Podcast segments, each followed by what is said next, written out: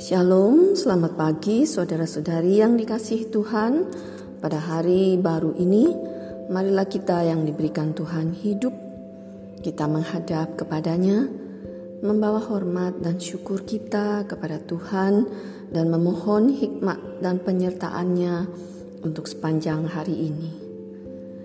Allah Bapa yang kami sembah dalam Tuhan Yesus, kami memberi hormat kepadamu dan bersyukur atas pemeliharaanmu bagi kami.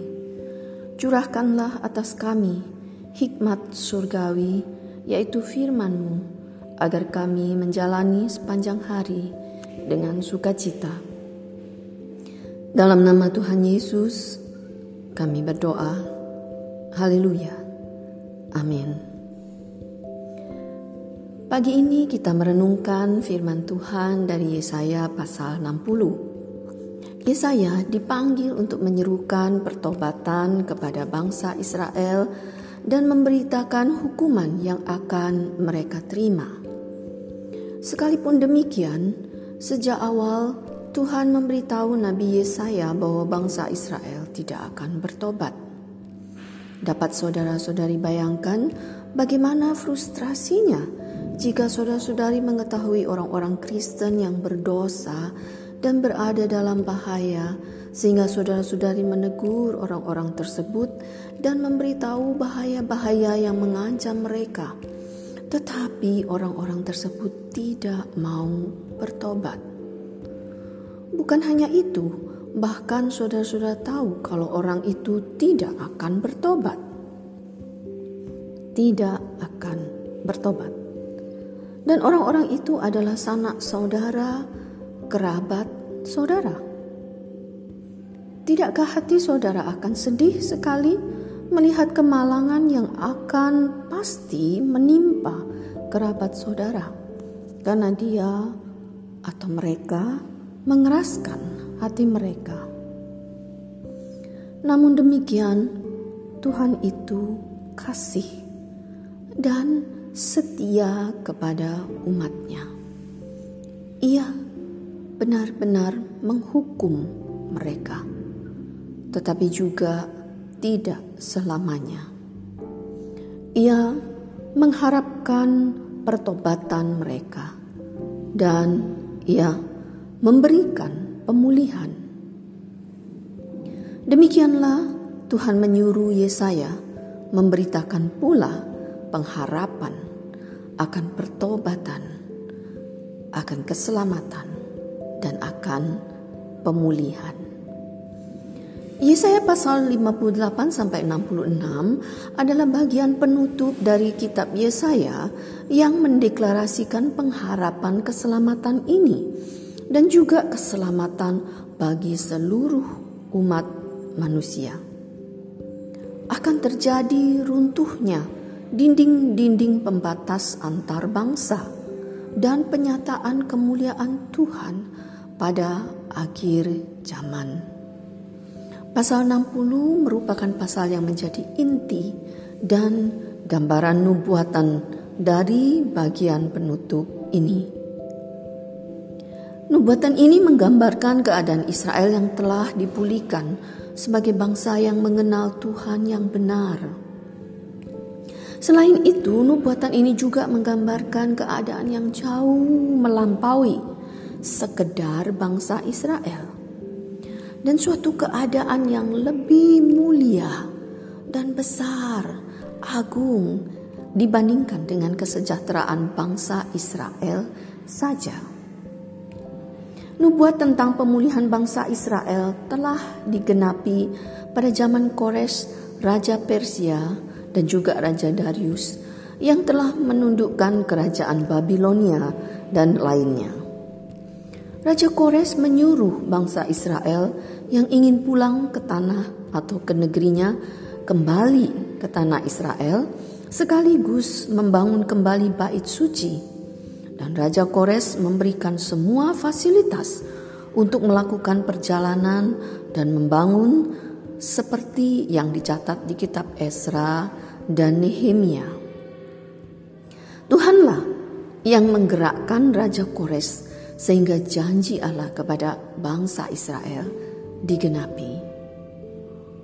Janji Allah yang dinyatakan di pasal 60 ini menunjukkan sesuatu yang jauh lebih agung dan mulia. Gambaran yang diberikan mencakup seluruh bangsa-bangsa dan seluruh bumi. Bukan hanya bangsa Israel yang pulang ke negerinya, tetapi segala bangsa akan datang ke Sion di mana bait Allah berada untuk menyembah Tuhan Allah. Hal ini belum terjadi. Ayat 19 dan 20 mengatakan, Bagimu matahari tidak lagi menjadi penerang pada siang hari, dan cahaya bulan tidak lagi memberi terang pada malam hari. Tetapi Tuhan akan menjadi penerang abadi bagimu, dan Allahmu akan menjadi keagunganmu. Bagimu akan ada matahari yang tidak pernah terbenam dan bulan yang tidak surut. Sebab Tuhan akan menjadi penerang abadi bagimu dan hari-hari perkabunganmu akan berakhir. Ini adalah suatu keadaan yang tidak mungkin terjadi di dunia ini. Terang yang abadi melambangkan kehadiran Tuhan yang abadi secara langsung di antara umatnya.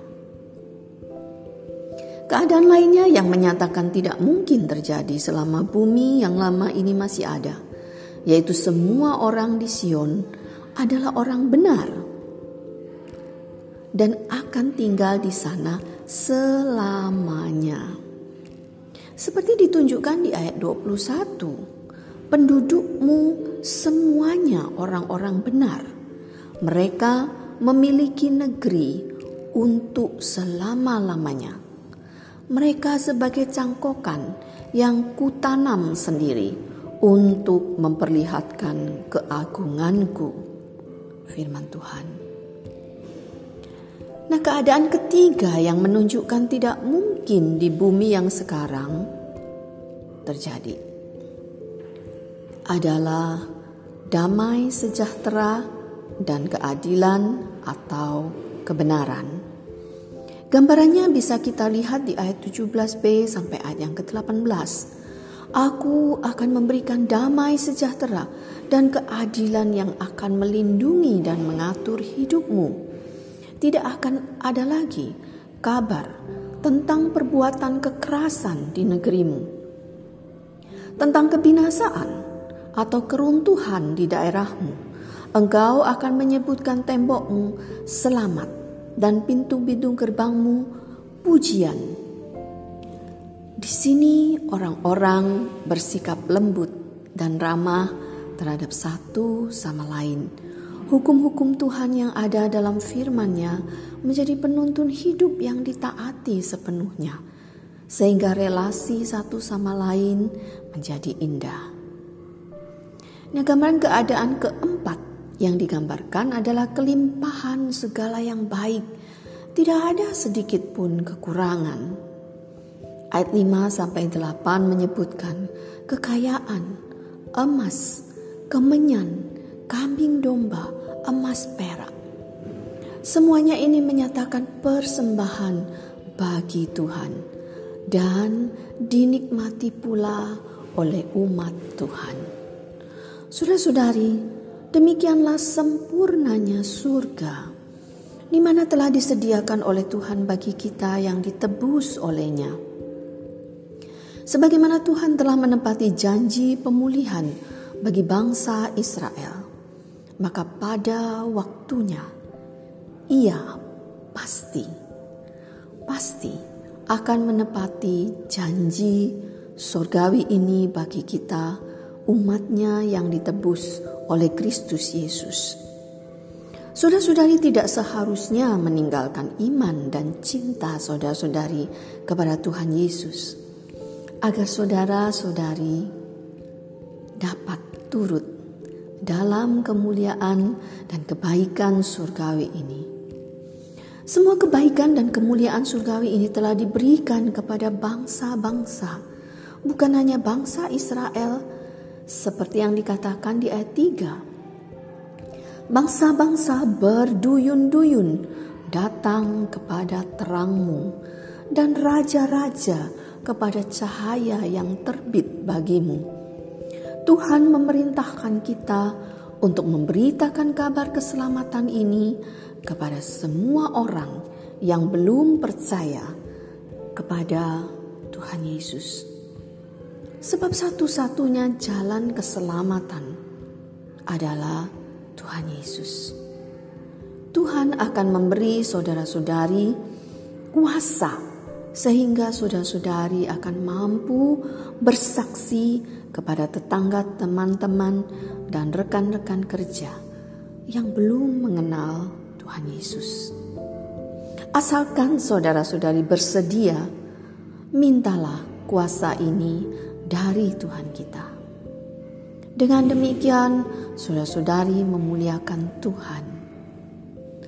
Mari kita bersaksi supaya bangsa-bangsa datang berduyun-duyun bersama-sama dengan kita kelak di surga dan menjadi kemuliaan bagi Tuhan Allah kita.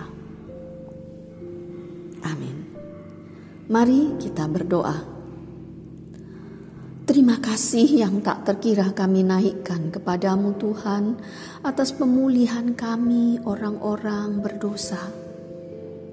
Kami bersyukur beroleh kemurahanmu sehingga kami terhitung di antara umatmu melalui penebusan dalam Tuhan Yesus.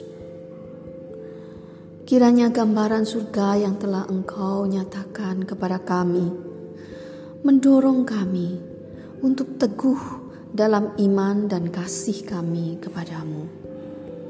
Dan berikanlah kuasamu untuk memberanikan diri kami bersaksi kepada orang-orang yang belum mengenal Engkau. Agar mereka juga menerima pemulihan dari Tuhan. Dalam nama Tuhan Yesus, kami menaikkan doa. Haleluya. Amin.